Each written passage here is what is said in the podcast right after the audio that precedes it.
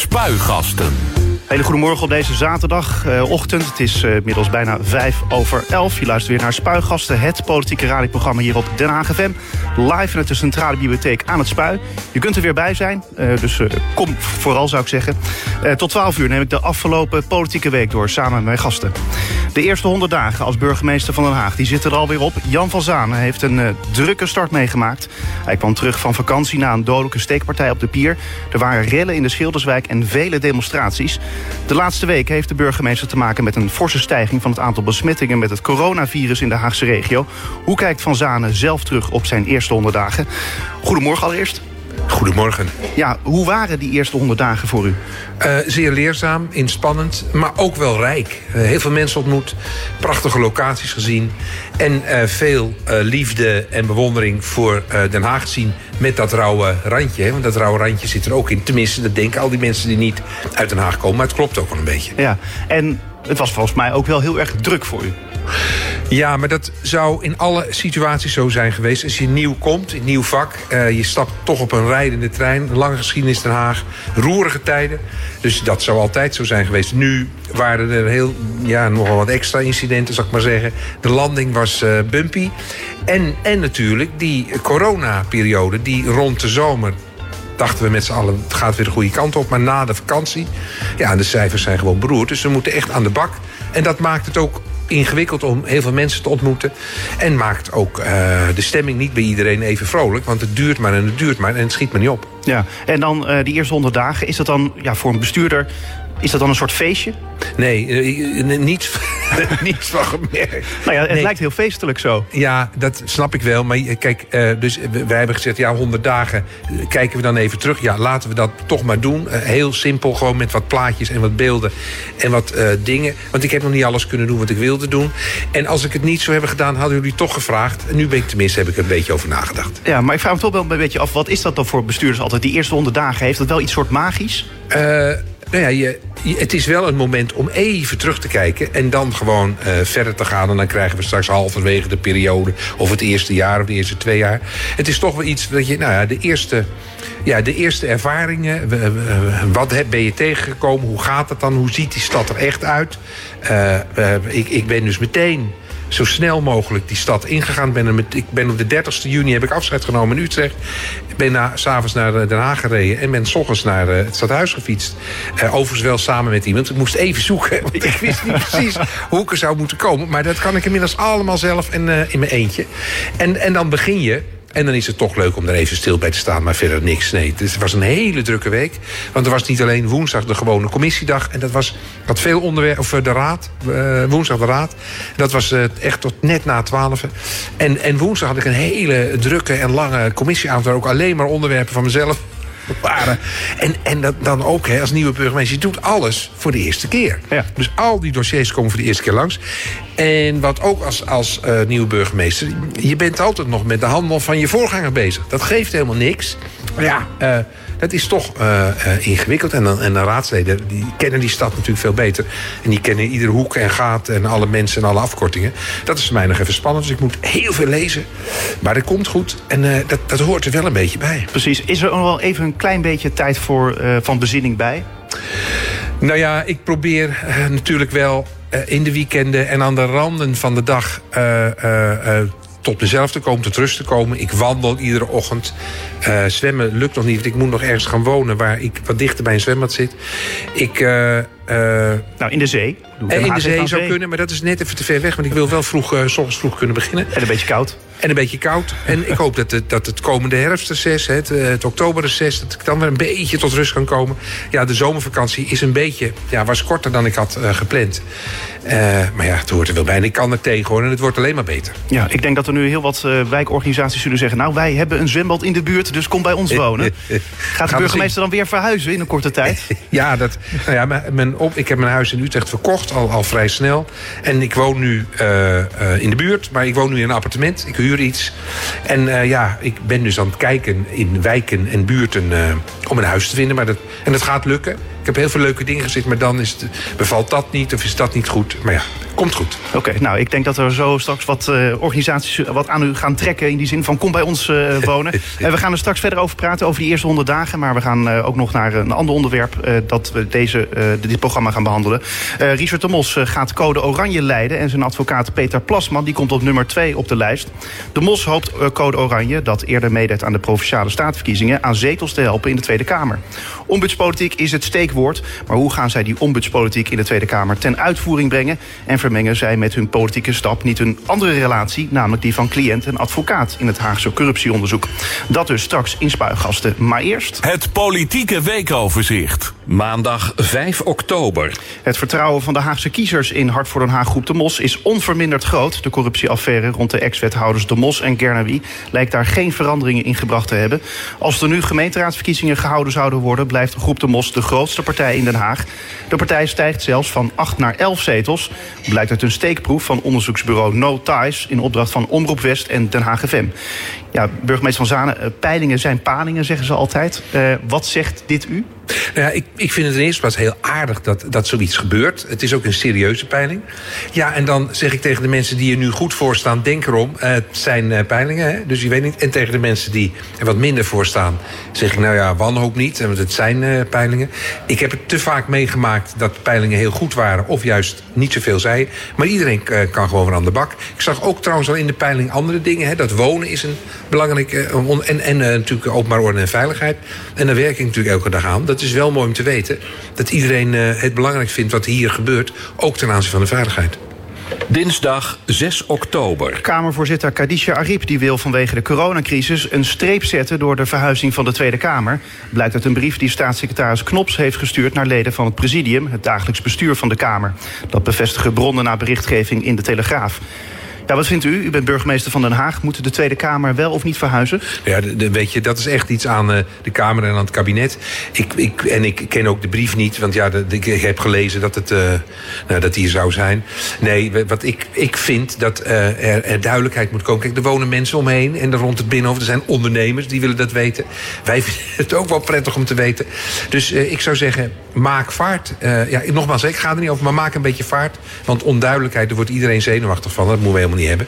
Dus ik zou zeggen, aan het werk. Ja, maar u bent de belangrijkste man van de stad, dus u kunt wel wat gewicht in de schaal leggen. Zeker, dat ga ik ook doen. Maar dat gewicht leg je alleen maar in de schaal als ik het u niet vertel, maar het doe op plekken waar het er echt toe doet. Nee, ik vind echt, dit is iets van kabinet en Kamer.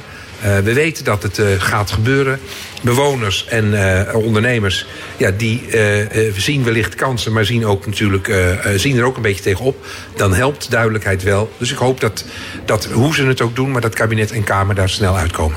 Woensdag 7 oktober. De woningcrisis verergert door de enorme toename van vooral kansarme migranten die naar Den Haag komen. De stad kan dat niet veel langer aan.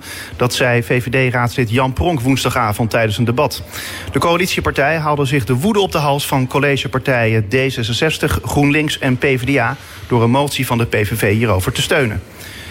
Jan van Zanen, de uh, boosheid die richt zich vooral op de motie die discriminerend uh, zou zijn. Vond u die motie nou discriminerend? Ja, weet je, dat is me ook donderdagavond toen ik dat lange raadsdebat in de raadscommissie had gevraagd aan het eind. En toen heb ik gezegd, ja weet je, ik ben burgemeester, ik ga niet op elke motie reageren. Dat is niet denigrerend bedoeld of ook niet een verworpen motie. Maar het is gewoon, ik moet me niet met de actieve partijpolitiek bemoeien. Dat is echt aan de raadsleden. Er vindt een verwoed debat over plaats. Daar neem ik kennis van.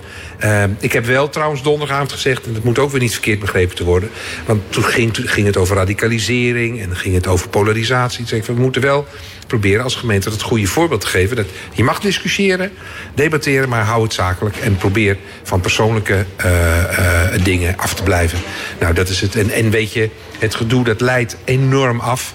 En verder is het een emotioneel onderwerp en dat snap ik allemaal best. Maar ik kan me daar niet mee bemoeien. Het zijn moties, geen emoties. Ik, ik snap heel goed dat u als burgemeester niet over elke motie iets kunt zeggen. Maar dit heeft uh, zelfs geleid tot. Nou ja, de Tweede Kamer heeft het er zelfs over. Ik begreep dat de Kamerleden van de VVD er al iets over zeiden. Uh, de stad, het leeft enorm in de stad. Dan kunt u als burgemeester natuurlijk zeggen: van ja, uh, dit is niet de juiste toon. dit, dit wil ik eigenlijk niet meer in mijn nee. gemeenteraad hebben. Nee, u bent de voorzitter ervan. Ja, zeker, zeker. Maar ik heb iets over de toon gezegd. Want het leidde dus precies wat u nou zegt. U beschrijft waar ik me zorgen over maak. Het zijn al onzekere tijden.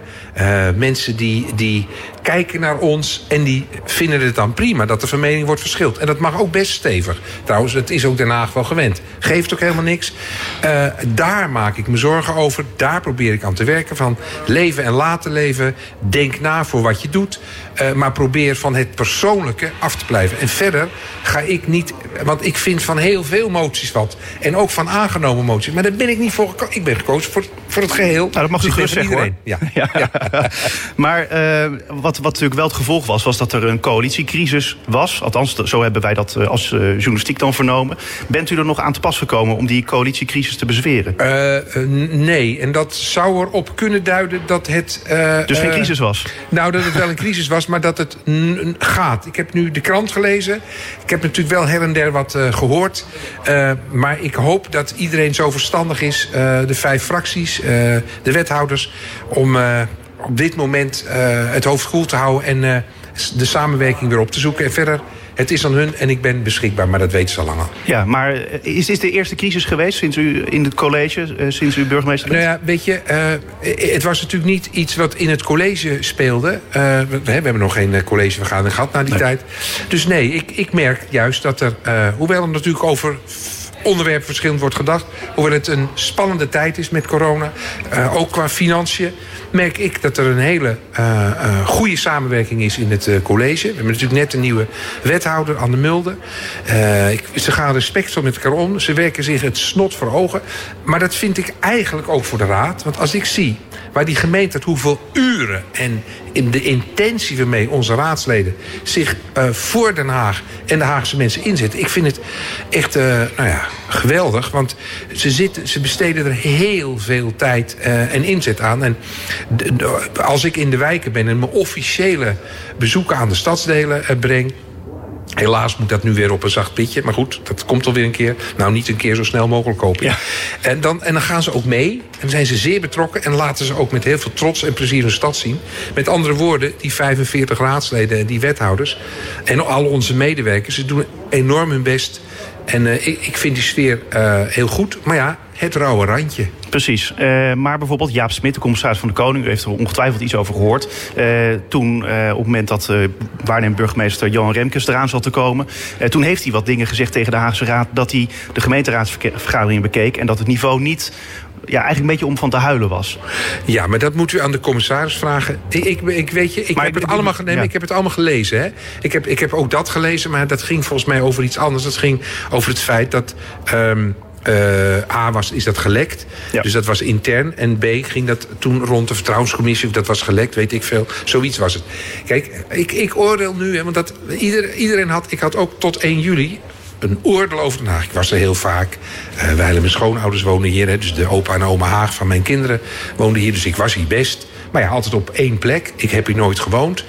Uh, en ik heb me voorgenomen... dat ik heb natuurlijk alles in mijn kop... was Den Haag zoals de buiten kant erin. Ik zit er nu zelf in. Ik heb nu die raads... En dat was allemaal zo erg. En, oh. Ik heb nu raadsvergaderingen meegemaakt. Nou, ik, ik verklap geen geheim dat ik vind dat het heel lang duurt. Dat ze er erg tijd voor nemen. Maar ik, ik, ik moet u eerlijk zeggen dat het is rauw. Uh, nou, uh, ze zeggen elkaar ook wel de waarheid. Maar ik moet u zeggen, nou ja, ik vind het tot nu toe vind ik het te doen. Het is alleen veel. Ze zijn heel erg intens. Maar dat mag. En ik moet u ook zeggen... Uh, die stad verdient het ook wel, want er is genoeg te doen. Kijk, er zijn natuurlijk wel een aantal dingen aan de hand in Den Haag. Want er zijn hele mooie stukken in Den Haag. En, maar er zijn ook dingen waarvan ik denk, nou, plekken waarvan ik denk... nou, bijvoorbeeld de Zuidwest, moeten we echt aan de bak met z'n allen. Kortom, het is u uiteindelijk wel meegevallen? Kortom, ik kijk met uh, heel veel plezier terug op de eerste honderd dagen. Al was het wel heavy road. Donderdag 8 oktober.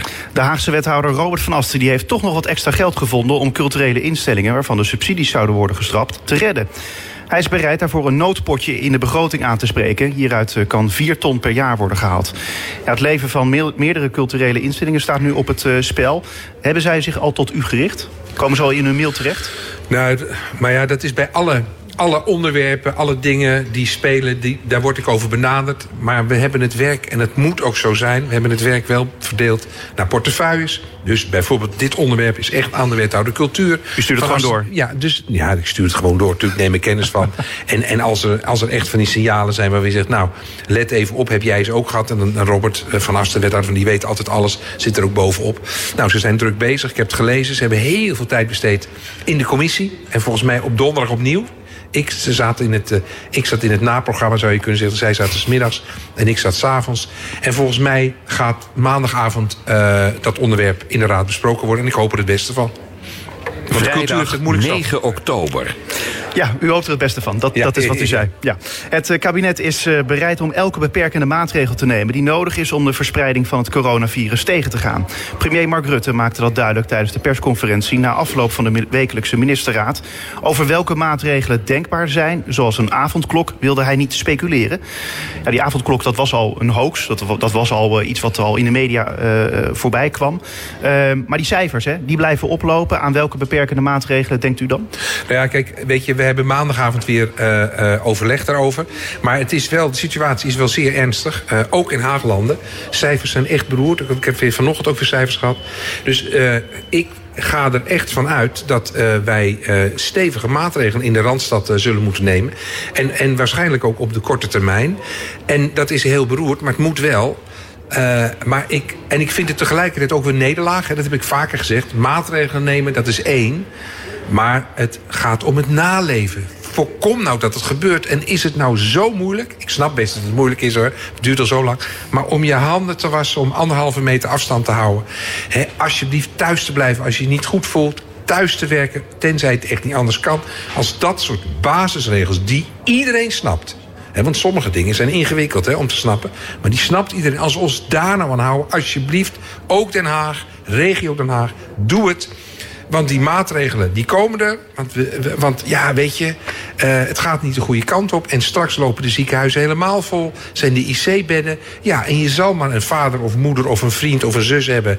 die, eh, weet ik het, wat aan zijn hart heeft of kanker... en niet het ziekenhuis in kan, omdat er corona is. Dus alsjeblieft, mensen, let op elkaar, let op jezelf. Doe het alsjeblieft. Ja, maar Den Haag zit wel bij de slechtste jongetjes ook van de klas. Zeker. Eh, voelt dat dan voor u als persoonlijk als, als nederlaag?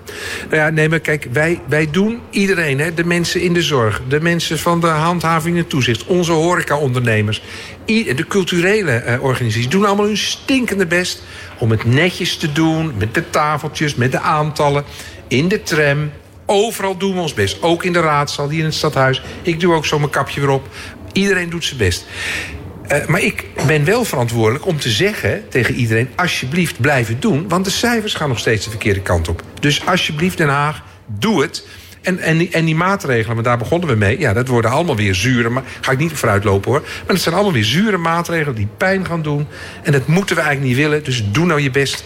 Dat is de, dat is de beste methode. Ja, maar dan komt uw boodschap dus blijkbaar niet goed genoeg aan. Nee, dat geldt voor iedereen. En Dat geldt ook is- voor de premier trouwens. Ja, nee, ja, zeker. Komt de boodschap niet aan. Maar dan, daarom, eh, dat eh, maakt niet dat ik hem niet steeds herhaal. En dat ik hoop dat mensen zich realiseren dat het niet is dat je mij er een plezier mee doet en dat die maatregelen nou zo feesten. Nee, om te voorkomen dat de volksgezondheid van heel veel mensen in gevaar komt. Jong en oud. Hoe krijgt u de mensen in het gareel? Ik ga ervan uit dat, eh, ik wou zeggen, at the end of the day, maar aan het eind van de dag, iedereen snapt dat dit even moet. En eh, hou nog even vol, want het is al erg genoeg. Zaterdag 10 oktober. Vanaf vandaag kan iedereen in Nederland de corona-app van de overheid gebruiken. Die geeft aan wanneer je langer dan een kwartier in de buurt bent geweest van iemand met corona. Mensen kunnen dan in quarantaine gaan of zich bij klachten laten testen. Heeft u de app al gedownload op uw Ja. telefoon? Ja, ik heb hem gedownload. En eh, ja, ik, ik hoop dat het werkt. Ik, ik heb, ben geen privacy-deskundige hoor, dus ik weet niet precies hoe dat allemaal werkt. Maar hij zit erop en ik hoop dat, dat het helpt. Kijk, en ik snap heel goed dat eh, alles uit de kast wordt gehaald om. om om, om bij haarden te komen en op plekken te komen. Want dan kunnen we gerecht, of wij, maar dan, kan er gericht worden gehandeld. En wat ook wel echt is, en dat ik dat toch nog maar een keer zeggen... richting het kabinet en mensen die ervoor verantwoordelijk zijn... zorg voor testcapaciteit, hè. Testcapaciteit, want dat helpt ons ook enorm.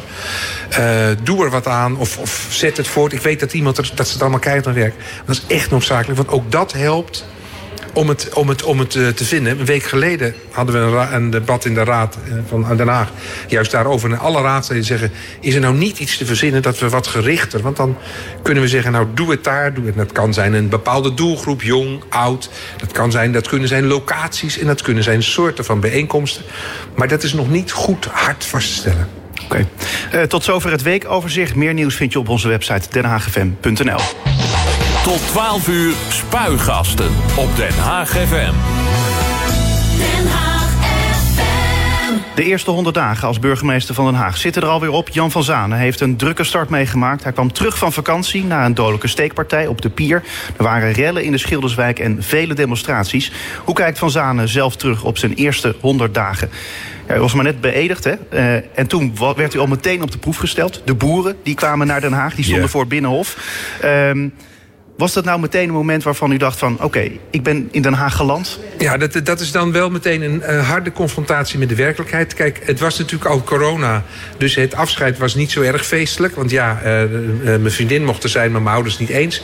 Hier was het ook een hele wel een mooie plechtigheid.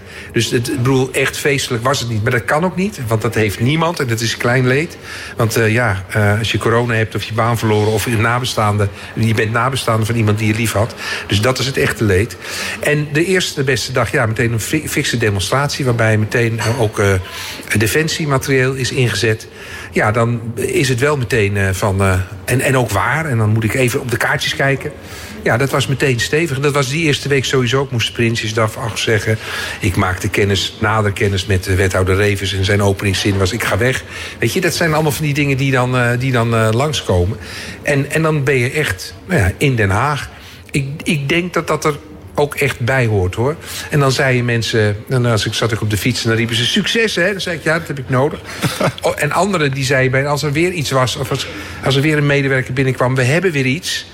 Uh, dan zei ze ook wel, uh, welkom in Den Haag. En dat is dan die typische leuke uh, ironische toon, nou, die me eigenlijk wel bevalt. Maar het was iedere keer wel raak, dacht ja, ik. Maar u lacht er nu bij. Maar uh, het moment waarop u zeker niet he zou hebben gelachen... is natuurlijk het moment met die dodelijke steekpartij op de pier. U kwam zelfs terug van vakantie. Heeft later natuurlijk de rellen uh, in de Schilderswijk. ik hoorde ook wel mensen in de stad zeggen... waarom ging de burgemeester überhaupt op vakantie? want we hadden dit aanzien komen. De spanningen ja. die liepen al op. Ja, nou dat vind ik echt ten onrechte. Um, U heeft ben... zeker recht op vakantie, ja, hoor. nee, zeker. Dat vind ik echt ten onrechte. Uh, Scheveningen is over... Ik ben dus teruggekomen. Ik heb er een stevig debat over gehad. Ook in mijn eerste week. En terecht, hoor. Scheveningen is overlopen. Daarna uh, was het zondag beheersbaar. Dat is ook een omstreden woord, dat begrijp ik inmiddels. Uh, maar toen, en toen volgde maandag de steekpartij erop. Ja, dat is, dus, dat is inderdaad niet iets om te laten. Dat is echt verschrikkelijk. Het een heeft met, niks met het ander te maken. Maar dan zit je als Scheveningen, als je daar woont, als je daar je werk hebt, als je daar investeert, mijn hemel, dat is niet best. Nou, daar, hebben we, daar gaan we flink uh, mee aan de slag. En daar hebben we ook lesgeld voor betaald. En we hopen dat volgend jaar beter te doen. Volgens mij is, uh, staat nu in de planning dat rond november... en een soort van plan van aanpak uh, is uh, rond Scheveningen. En, en Schilderswijk, ja, Weet je, dat, dat begon met onschuldige en vrolijke brandkranen. Toen heb ik niet gelachen hoor, maar toen werd er wel gelachen. Tot op het NOS-journaal. Van, nou, dat is toch hartstikke leuk met, leuk met leuk met die kindertjes. Maar dat is echt vreselijk. En het is ook echt uit de hand gelopen. En daar heb ik bepaald niet gelachen. En ook uh, de Schilderswijkers niet. Ik ben meteen erheen gegaan. Me goed laten informeren. En ook daar zijn we. Is een uh, een onderzoeksbureau nu bezig met ook heel veel interviews. Om ook daar de perspectief op van uh, waar zit het hem in, wat kunnen we doen. Maar er is, en, en, en nu even terug naar de burgemeester en mijn bevoegde openbare orde en veiligheid. Ik bedoel, dat is natuurlijk redelijk snel weer in goede banen geleid. Maar ja, wel ten koste van heel veel capaciteit. En, en, en bewoners die ja, die zich daar echt grote zorgen over maken. Ja, maar het debat uh, daarin hoorde ik u ook zeggen van ja, dat het uh, gestart zou zijn. Ook de politiebaas uh, die had natuurlijk ook gezegd... het zou gestart zijn door voetbalhooligans. Nee, nee dan, dan, dan haalt u. De, dat woord is ook inderdaad gevallen. Dat is ook terecht. Het is terecht dat ze een rol bij hebben gespeeld, zeker in het begin. Maar de, de discussie was veel breder. Van, zijn het nu alleen mensen uit Schilderswijk? Nee, het zijn mensen ook van buiten. Dat kun je ook uit de analyses zien. We hebben vervolgens ook, is er, is er in de methodiek voor gekozen om te voorkomen dat scootertjes uit andere, uit andere wijken en andere gemeenten zelfs zouden komen. Uh, en toen is er nog doorgevraagd. En ik heb nu het lijstje niet bij, maar dat heb ik heel precies ja. opgelezen in de raad. Maar iedereen was doodop. Het was aan het eind van de uh, raadsbijeenkomst. En, en toen heb ik ook gezegd... en er waren ook, uh, er waren ook wat hooligans bij betrokken. Punt. Dat is daarna weer iedereen... maar het is, het is gewoon een feit. En daarmee wil ik helemaal geen waardeoordeel uitspreken. Maar het, het is zoals het is... Uh, en uh, ik, ik, ik heb ook gezegd toen meteen van hè, verdorie, want er waren volgens mij allerlei ontwikkelingen in Schilderswijk die de goede kant op gingen. Heel veel mensen die hun best deden.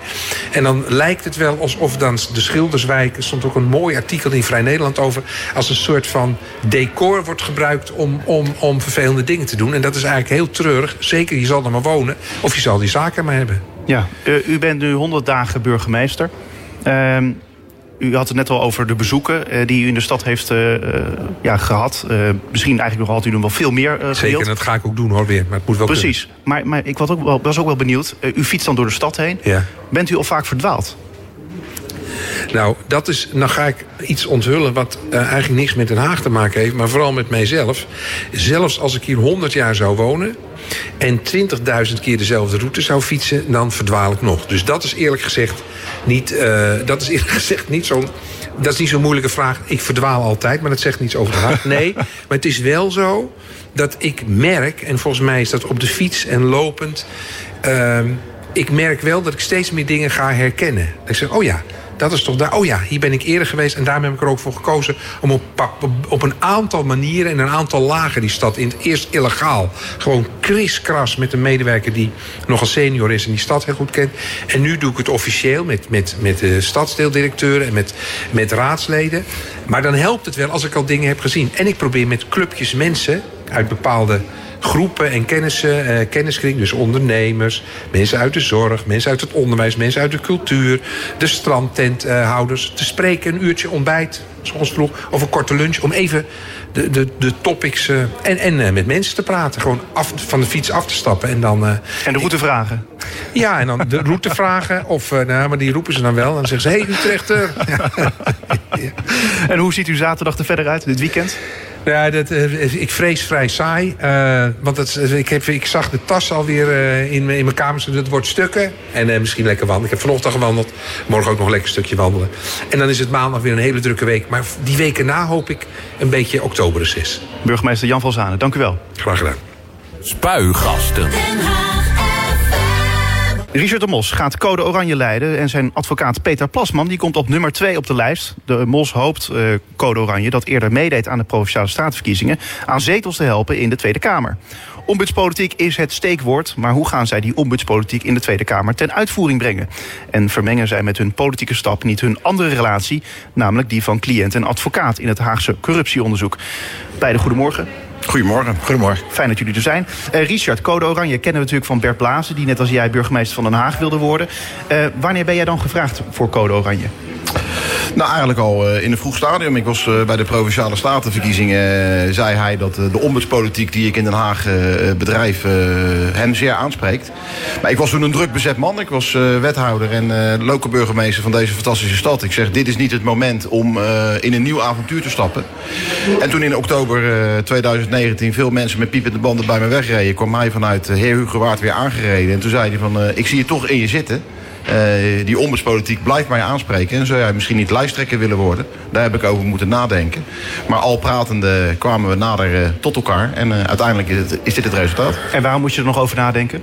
Nou, er speelt natuurlijk wel wat. Ik bedoel, een corruptieonderzoek boven je hoofd hangen... en dan lijsttrekker worden bij een landelijke beweging... Ja, daar zullen mensen wat van vinden. Maar aan de andere kant, uh, hij zegt ook... je bent onschuldig tot tegendeels bewezen. En ik geloof in jouw uh, manier van politiek bedrijven. Dat is een vernieuwende politiek. Dat gaat niet zonder kleerscheuren. Ik zeg, ja, ik heb mijn hele kledingkast moeten vervangen. Maar uiteindelijk uh, ben ik erin gaan geloven. En ja, ik heb nu ook een fantastische running mate... en een, denk ik, een goede agenda. We hebben het vernieuwen van de democratie. binnen het referendum gekozen burgemeester. Eigenlijk een beetje waar D66 ooit voor is opgericht. Het versterken van de lokale politiek. En dit najaar komen we nog met een agenda uh, hoe we de komende jaren politiek willen gaan bedrijven. Ja. Laten we dan meteen naar uh, jouw running mate gaan, Peter Plasman. Uh, ja, Peter, hoe ben jij dan bij Code Oranje terechtgekomen? Want je kent natuurlijk Richard wel als zijnde jouw cliënt. Ja, nou, ik heb natuurlijk in dat jaar dat ik hem nu bijsta... goed zicht gekregen op hoe hij politiek heeft bedreven... en dan vooral ook wat anderen daarvan zeggen. Eh, wat mij bijzonder aansprak waren geluiden uit het stadhuis. Waarbij Richard werd omschreven als binnen zonder kloppen. nou, dat spreekt mij aan in de politiek. Dat je gewoon klaar staat voor mensen. Dat je bereikbaar bent. En dat je ook gewoon concreet naar oplossingen zoekt. Nou, dat, dat spat uit het dossier zoals ik het ken.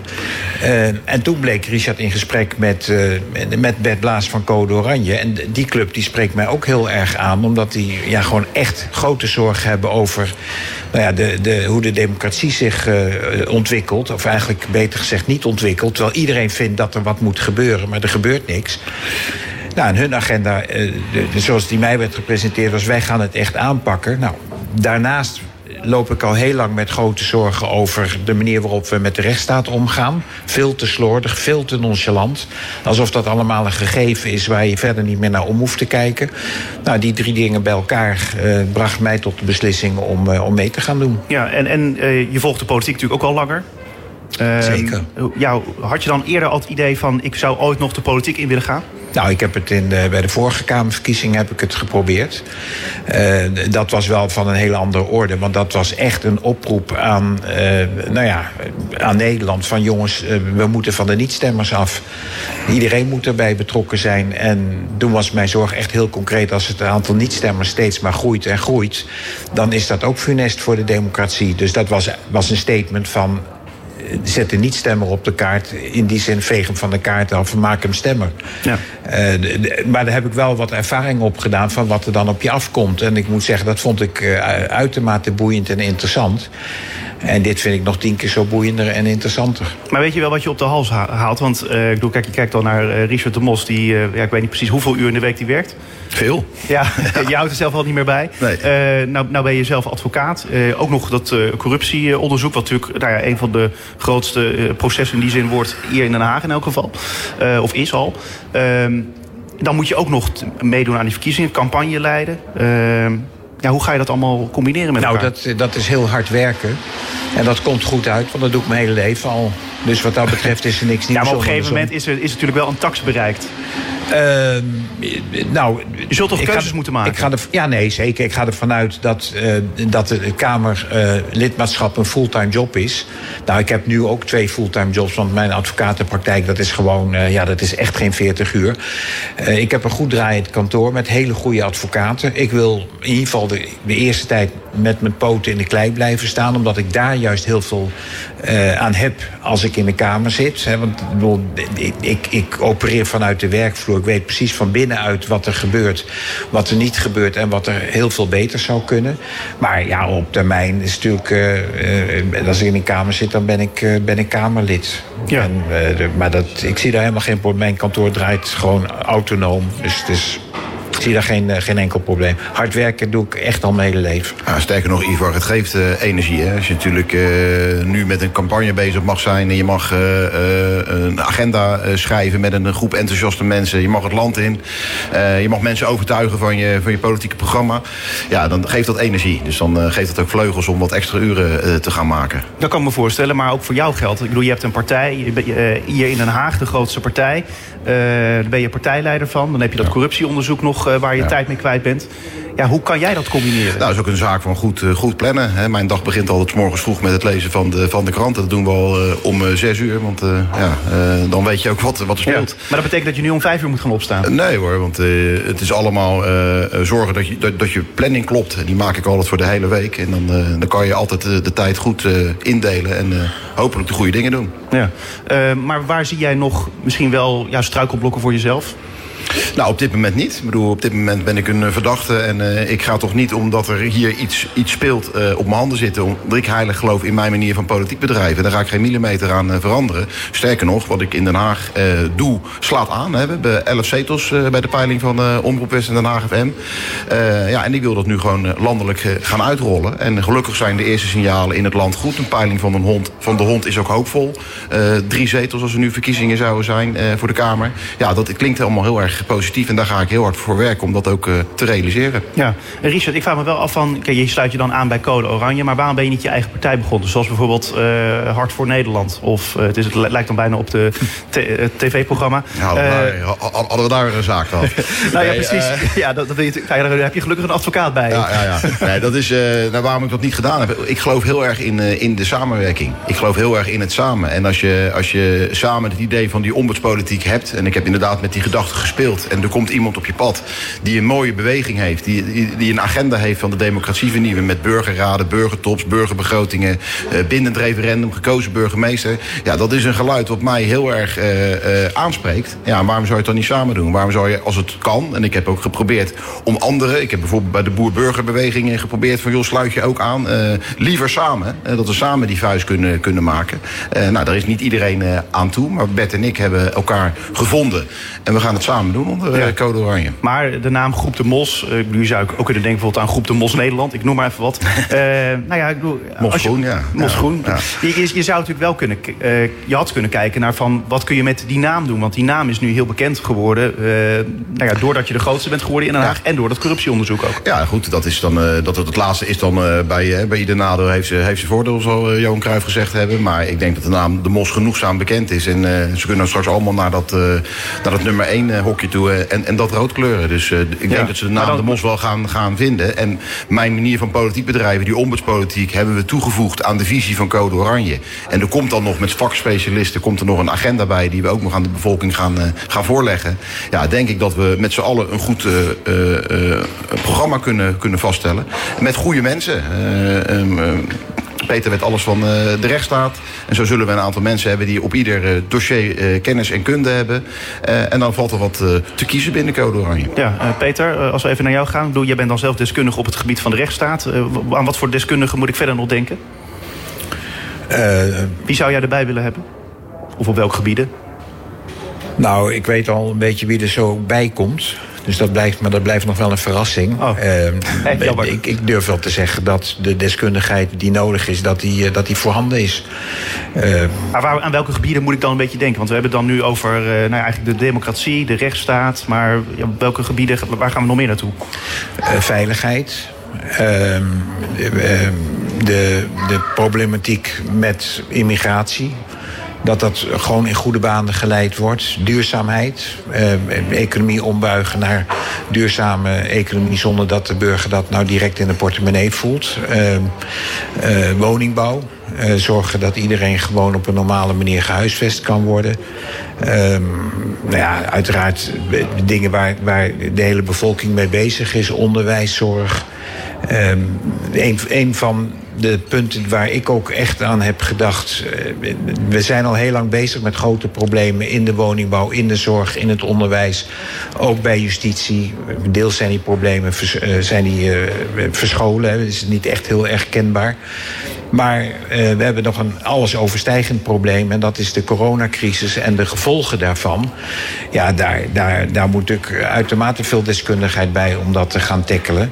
Wat mij daarbij alles is opgevallen is dat toen die coronacrisis zich aandiende... Eh, er zo'n 100 miljard beschikbaar bleek om de economie te redden. En het was volkomen terecht. Alleen ik zou wel graag uh, gewild hebben dat voordat de coronacrisis er was, dat er ten aanzien van die andere crisissen in, in het onderwijs, in de zorg, et cetera, dat er ook eens gekeken was van hebben we niet ergens 100 miljard beschikbaar om deze crisis uh, op te lossen. Ja. En ja, dat zijn gedachten waarvan ik vind dat je die bij uitstek aan de bevolking moet voorleggen.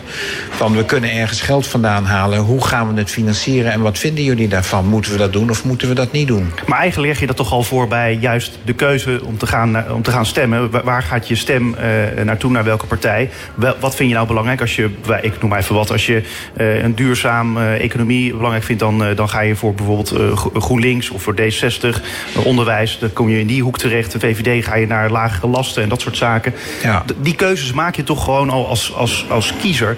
Dus waarom, wat, wat heeft het voor effect? Nou, uh, om dat aan iedereen te gaan vragen? Als je het zo doet dan kies je altijd voor een partij. En die partij heeft altijd een positie op de lijn van links naar rechts. Ja. Dus je kunt niet op een bepaald eh, onderdeel bijvoorbeeld een, een linkse gedachte aanhangen, maar op een ander deel weer een rechtse gedachte, want dan moet je kiezen. Nou, wij willen dat nou juist veranderen. Wij laten links en rechts helemaal los. Dat blijkt ook wel uit de groep die straks eh, de beweging zal blijken te zijn. Daar zit van alles in. Eh, en dan, maar dan moet je de bevolking er veel vaker bij betrekken. Op concrete onderwerpen.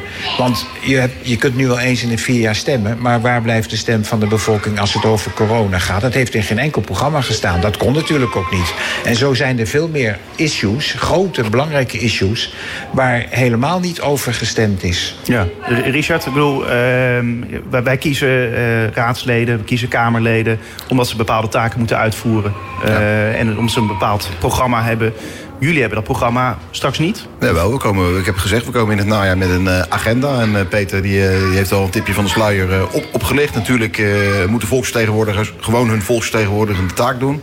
Alleen vinden wij dat in Nederland te vaak de burger wordt overgeslagen. Neem nou de miljarden die naar Europa gaan. Ja, dat heeft Rutte bijna op eigen houtje beslist. Terwijl de burger daar misschien wel wat van had gevonden. Nou, wij zeggen bij zulke grote thema's een bindend referendum. En laten de, de burger daar, en die het ook moet voelen in de portemonnee en eh, in de gevolgen. Hè. De gemeentes bijvoorbeeld worden jaarlijks eh, eh, met 3 tot 4, eh 2 tot 3 miljard komen die tekort. Er komt corona nog, nog bij. Ja, dan moeten gemeentes die worden afgeknepen in de jeugdzorg, in de langdurige zorg voor ouderen.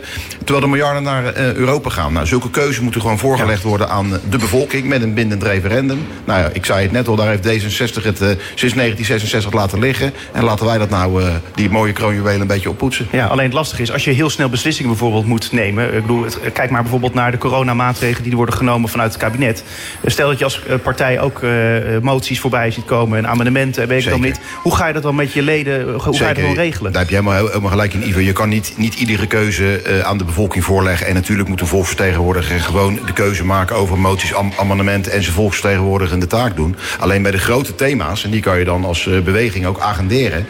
daar moet gewoon de bevolking veel meer bij betrokken worden en veel sneller. En Ja. dat gaat in Nederland niet goed. Kijk maar naar het Malieveld. Dat is bijna eh, misbruikt eh, door het aantal mensen wat nou niet echt eh, het idee had betrokken te zijn bij de besluitvorming. Ik noem de boeren, ik noem de leraren, ik noem het zorgpersoneel, ik noem de bouwsector. Ja, daar is waarschijnlijk niet heel erg goed mee gesproken en naar geluisterd. Dan, was, dan had dat Malieveld niet volgestroomd. Want het demonstreren is toch niet iets wat in het DNA van de Nederlander zit. Nee, en, en als je dan kijkt naar jullie beweging, hoe, ga je dat dan regelen, om maar zo te noemen, als, als er zo'n thema is waar je dus nou ja, je leden wil raadplegen, is het dan zo dat het alleen maar de leden is? Want je hebt het over Nee, de juist, bevolking. juist de leden niet. Dus dat, dat kan juist met een, met een, met een burgertop eh, eh, eh, vakspecialisten bij elkaar brengen. Je had een burgertop stikstof kunnen, kunnen doen. Waar de boeren ook een stem in hebben gehad. En misschien ook wel met oplossingen komen. Hè. Ik heb begrepen, als je, als je stront en plas van een koe scheidt... dan kan je het stikstof, stikstofprobleem be- bestrijden. Ja, heel, heel die boeren hebben zich helemaal niet gehoord gevoeld. Nou, dat hebben we geweten hier in Den Haag. Ja, maar hoe wil je dat dan dus als partij gaan doen? Aan de voorkant dus met zo'n burgertop eh, kijken. En dan ook kijken hoe we met een burgerbesluit eruit komen. Dat we het samen met de milieuclubs, met de boeren, eh, met de belangenorganisaties... dat we veel meer samen optrekken, veel meer samen met de bewoners praten... en met de inwoners van dit land dan over. En dat Ja. zie je nu heel veel gebeuren. En dan zie je besluiten komen. Hè, dat wordt ineens over de boeren uitgerold van... jongens, eh, de veestapel moet gehal- gehalveerd worden en verder een fijne wedstrijd. Ja, dat is volgens mij niet hoe eh, democratie hoort te werken. Want die boeren zorgen uiteindelijk allemaal voor ons voedsel. Ja, Peter, nou horen we natuurlijk al jaren eigenlijk dat politici natuurlijk roepen van ja, we willen de burger er meer bij betrekken. Ja. Wanneer- waarom gaat het nu dan wel, wel ineens lukken met code oranje? Omdat wij dat gaan doen. Ja, dat, dat, dat kan iedereen roepen. Ja, nee, je vraagt aan mij waarom gaat het bij jullie wel lukken. Nou, wij gaan het ook doen. Wij gaan het niet alleen roepen, wij gaan het ook doen. En, Ja. en wij hopen dat we, ehm, juist omdat we ons onderscheiden... doordat we die hele links-rechts polarisatie loslaten... en overigens ook wars zijn van andere polarisaties... want dat is allemaal vol- volkomen contraproductief. Dus wij willen juist eh, met, gewoon de, de, de debatten terug. Wij willen deskundigheid erbij betrekken. Wij willen de bevolking erbij betrekken. En volgens mij moet dat aanslaan. Want het geluid wordt toch steeds meer. Hè, ondanks dat er steeds geroepen wordt... wij willen de bevolking erbij betrekken. Is het, is het geluid. Je hoeft alleen maar de, de kranten van vandaag erop eh, op, op na te slaan... wat erover wordt gezegd. Dat de politiek steeds verder afdrijft van de burger. En ja, we, we, we, zitten niet in de Kamer, we komen in de Kamer. Dus het enige wat we nu kunnen doen is zeggen wat we gaan doen. We kunnen het nu nog niet in de Kamer laten zien. En daar kunnen we helaas niks aan veranderen. Dat kan pas in maart. Nee, precies. Maar goed, daarom dacht ik het is even goed om dat even uit te leggen. Want ik bedoel, je hoort natuurlijk heel vaak dat politici zeggen van ja, we gaan de burger meer betrekken.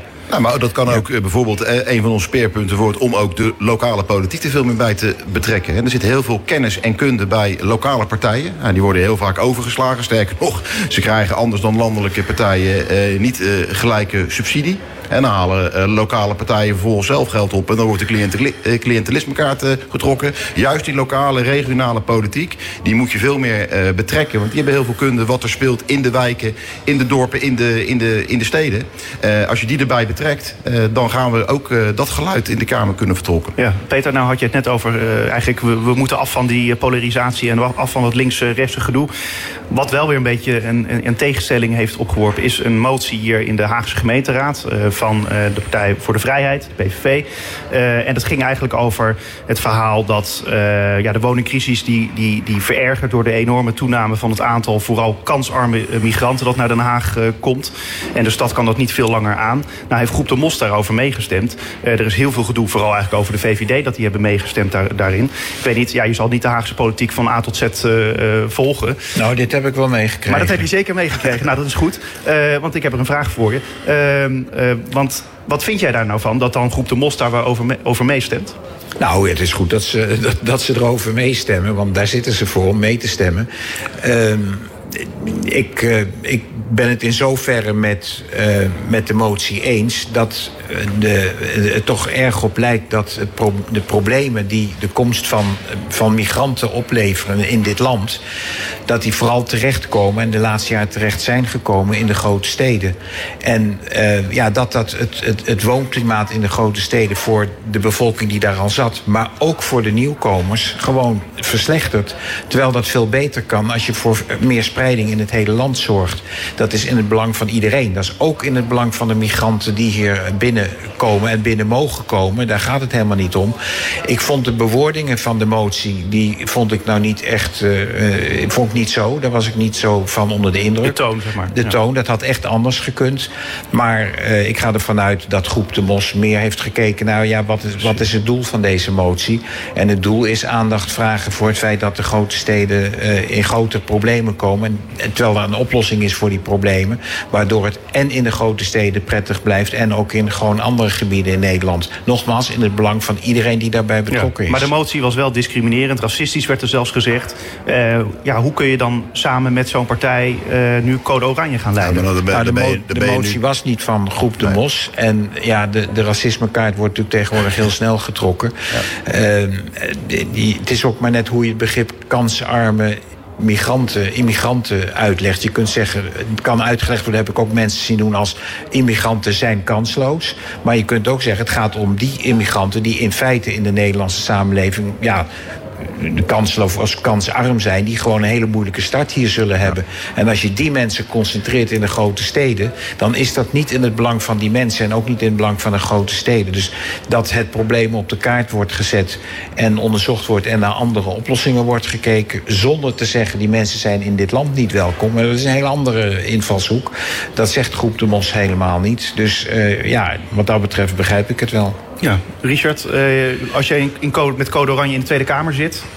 zou zitten? Nou ja, je ziet gelukkig ook aan onderzoeken. Hè. Kanter heeft uh, vorig jaar een onderzoek gedaan uh, onder de Nederlanders. Daar zegt 65% van de Nederlanders zich zorgen te maken over immigratie. En die willen ook immigratiebeperkende maatregelen. 48% van de niet-westerse allochtonen zegt immigratiebeperkende maatregelen te willen. Ja, en als je nou luistert naar een, een demograaf als Jan Latte... die zegt al langere tijd zich grote zorgen te maken over de bevolkingsgroei in Nederland.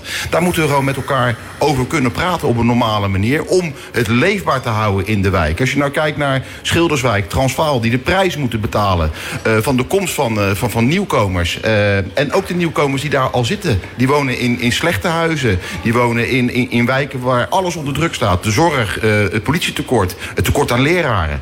Dan moeten we op een normale manier, zonder meteen uh, gefrustreerd en in paniek te raken... en inderdaad die discriminatiekaarten te trekken... moeten we op een goede manier discussiëren. Wat zijn de gevolgen van bevolkingsgroei? Ook de wijkberaden die hebben de noodklok uh, geluid. Want het gaat veel te hard, veel te snel. Uh, en daar moeten we op een normale, volwassen manier met elkaar over te praten. Zonder elkaar meteen in hoekjes te gaan douwen. Je bent extreem rechts. Of Nieder had zelfs gezegd bruinremde. Verschrikkelijke terminologie. De woordkeuze is aan de PVV van de motie. Ja. De strekking was het verzoek om in beperkende maatregelen te nemen aangaande bevolkingsgroei. Laten we daar nou op een volwassen manier over praten. Juist om de leefbaarheid in deze stad, die ernstig onder druk staat... voor iedereen, autochtoon en allochtoon... Uh, op een goede manier uh, te waarborgen. en dat is wat Hart voor Den Haag Groep de Mos heeft willen bereiken... met het steunen van, van deze motie. En Peter zei het al, de woordkeuze is aan de PVV. De strekking van de motie om over bevolkingsgroei te praten... is een hele goede strekking. En daar blijf ik ook vierkant achter staan. En gelukkig ieder nadeel heeft zijn voordeel. Is nu bevolkingsgroei een thema geworden. En laten we daar nou eens op een volwassen manier met elkaar over gaan praten. Juist om deze leefbaarheid in de stad uh, te vergroten. Ja, aan de andere kant zou je ook kunnen zeggen... Uh, dit is juist het moment om te zeggen van... wij steunen niet zo'n motie omdat die toon ons niet aanstaat. Uh, ja, en, en, dan gaan, we, gaan, zelf... en dan gaan we, we zijn ontzettend aan het vertrutten in Nederland. De toon, alles is racisme, alles is discriminatie. We kunnen over niks meer praten. We hebben allemaal een, een, een, een heel groot piemeltje... waar we heel snel uh, op staan uh, met elkaar. We kunnen normaal met elkaar... Uh, zonder dat we meteen uh, een beetje weerbaar zijn ook. Ik zou iedereen een beetje weerbaarheid willen toewensen. Dat we op een goede manier een discussie met elkaar kunnen voeren. De onderzoeken zijn uh, klip en klaar. demografen zeggen al langere tijd... het is 5 voor 12. We krijgen 82.000 nieuwkomers per jaar in Nederland. Per jaar. Met een woningnood. Met, een, met overal tekort aan. Zorg, onderwijs, politie. dat kan zo niet doorgaan. Den Haag groeit jaarlijks met 9000 inwoners per jaar. Ja, dat is gigantisch. En dat kunnen we niet, niet blijven opvangen. En als we de leefbaarheid goed willen houden in deze stad... moeten we daarover praten. Zonder ook maar iemand te willen discrimineren. Want we willen het goed houden voor allochtonen en autochtonen... om samen deze mooie stad uh, een beetje leefbaar te houden. En dat is de discussie die ik wil hebben. En daar wil ik met iedereen graag over praten. En laten we al die kaarten over racisme en discriminatie... lekker in de binnenzak houden. Want daar gaat het helemaal niet om. Het is inmiddels al uh, 2 voor 12, dus niet meer 5 voor 12, maar 2 voor 12. Richard gaat hard, het is altijd gezellig hier. ja, Richard de Mos en Peter Plasman van Code Oranje, kan ik nu zeggen. Dank jullie wel. Heel graag gedaan. Graag gedaan.